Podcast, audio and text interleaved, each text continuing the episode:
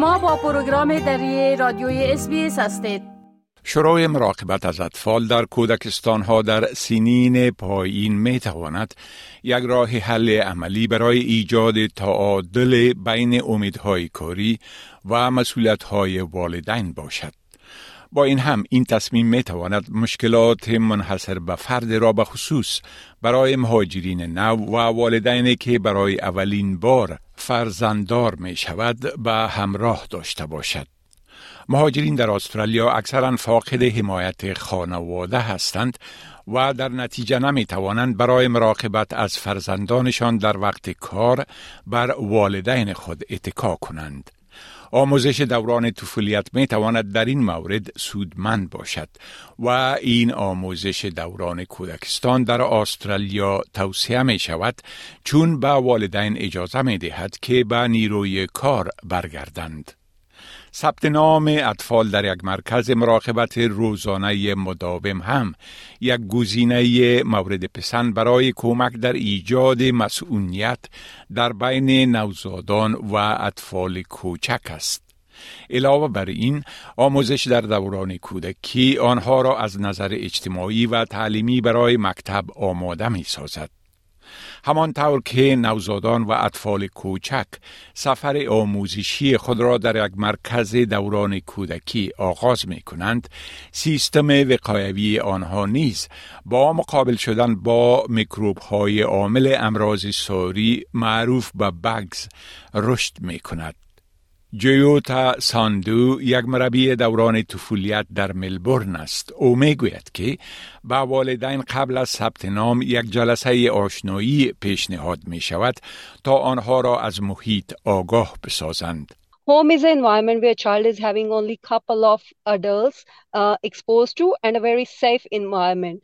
But in the early childhood settings, when children come and exposed to uh, many other children and adults, it's very normal for them to get exposed to some kind of illnesses. او می افزاید که در حالی که بیشتر بیماری ها در محیط مراقبت از اطفال باعث نگرانی زیاد نمی شود ولی بعضشان می توانند شدیدن ساری باشند.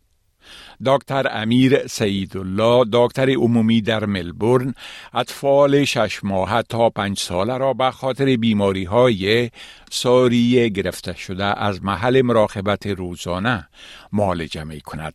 The infections they do vary depending upon the time of the year. Mostly in winters, most of the infections that we come across are mainly the respiratory illnesses, uh, such as the upper respiratory tract infections, lower respiratory tract infections, otitis media. And uh, in summers, mostly these infections, although they are there, but on top of that, we do get a lot of gastro patients. دکتر سیدالله می گوید که از هر یک صد طفلی که به صورت مکرر به محل مراقبت روزانه می روند 20 تا 30 نفرشان این عفونت ها را تجربه می کنند. دکتران اکثرا می گویند که این مریضی ها خود محدود شونده هستند به این معنا که بدون درمان خاص طبی فروکش می کنند. I would say in about 90% of the cases, they don't need any antibiotics and all they need is uh, uh, just a bit of parental education and uh, a bit of fluid support and uh, antipyretics like uh, Panadol or Nurofen. نیکیتا یک مادر اول بوری یک پسر هجده ماهه دارد که تنها چند ماه پیش رفتن به محل مراقبت روزانه را شروع کرد. او می‌گوید که در این مدت پسرش دو بار به خاطر ابتلا به نوع شدید زکام دوای انتیبیوتیک گرفته است. Our son goes to the center once a week. In that shorter window, he has had two very bad cases of flu for which the GP prescribed antibiotics and also steroid syrup because paracetamol and ibuprofen weren't working. He even brought home hand, foot, and mouth disease with blisters all over his body.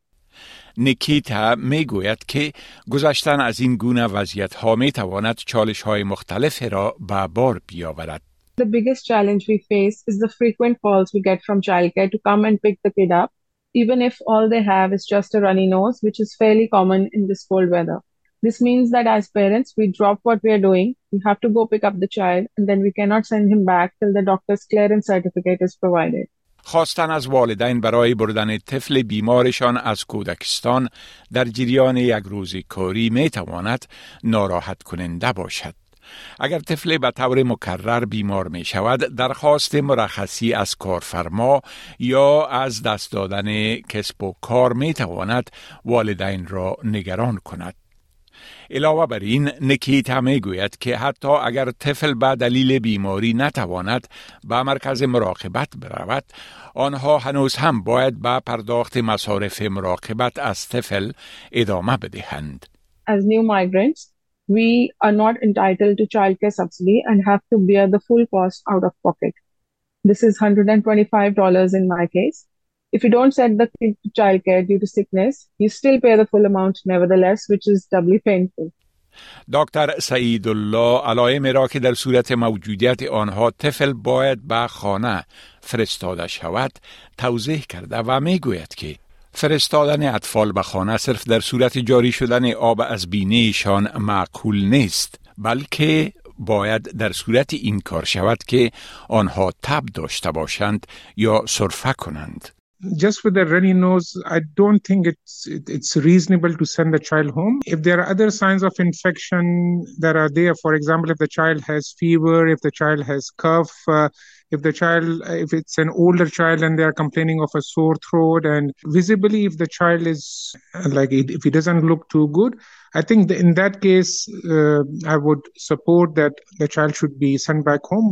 او همچنان آنده از علائم خطرناک عفونت را برمی شمارد که هر دکتر عمومی باید بررسی کند.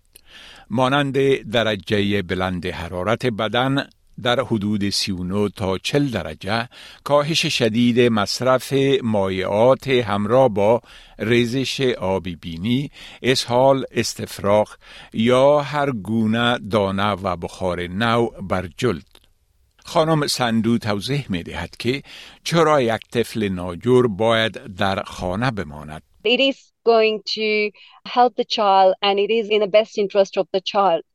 Otherwise, it is going to be a stage where you know if child is very very sick then the parent has to take the child to the hospital or getting a child hospitalized then this recovery is going to take longer او می افزاید که بیرون کردن یک طفل بیمار از یک مرکز مراقبت از اطفال بر وظیفه آنها در مقابل اطفال دیگر در مرکز مراقبتشان مبتنی است.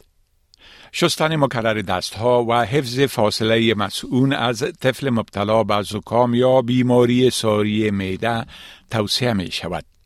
دکتر سعید الله می افزاید که تغذیه خوب هم بسیار مهم است. Most of the times these kids are fussy eaters.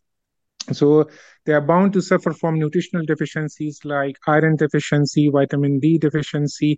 So having these uh, nutrients uh, supplemented in the form of either a tablet or a liquid uh, um, that would boost up their immunity and further reduces their chances of uh, acquiring these infections.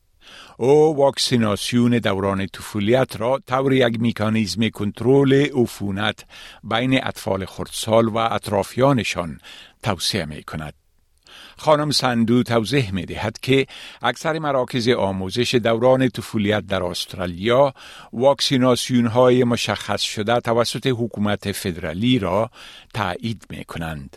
Some parents opt not to get their child immunized, then we have a different regulation and guidelines around that. For example, if there is a breakout in the childcare service, uh, there's a gastro um, going on, then we do recommend those children who are non immunized. Parents can keep them home because they don't have that immunity. در نهایت خانم سندو توصیه می کند که اطفال به جای قرار دادنشان در تسهیلات داخلی مانند مراکز بازی بهتر است به خاطر بهبود نظام وقایویشان در معرض محیط های طبیعی مانند پارک ها و زمین های بازی قرار بگیرند. می خواهید این گناه گزارش ها را بیشتر بشنوید؟ با این گزارشات از طریق Apple Podcast، Google Podcast، Spotify و یا هر جایی که پادکاستتان را می گیرید گوش دهید.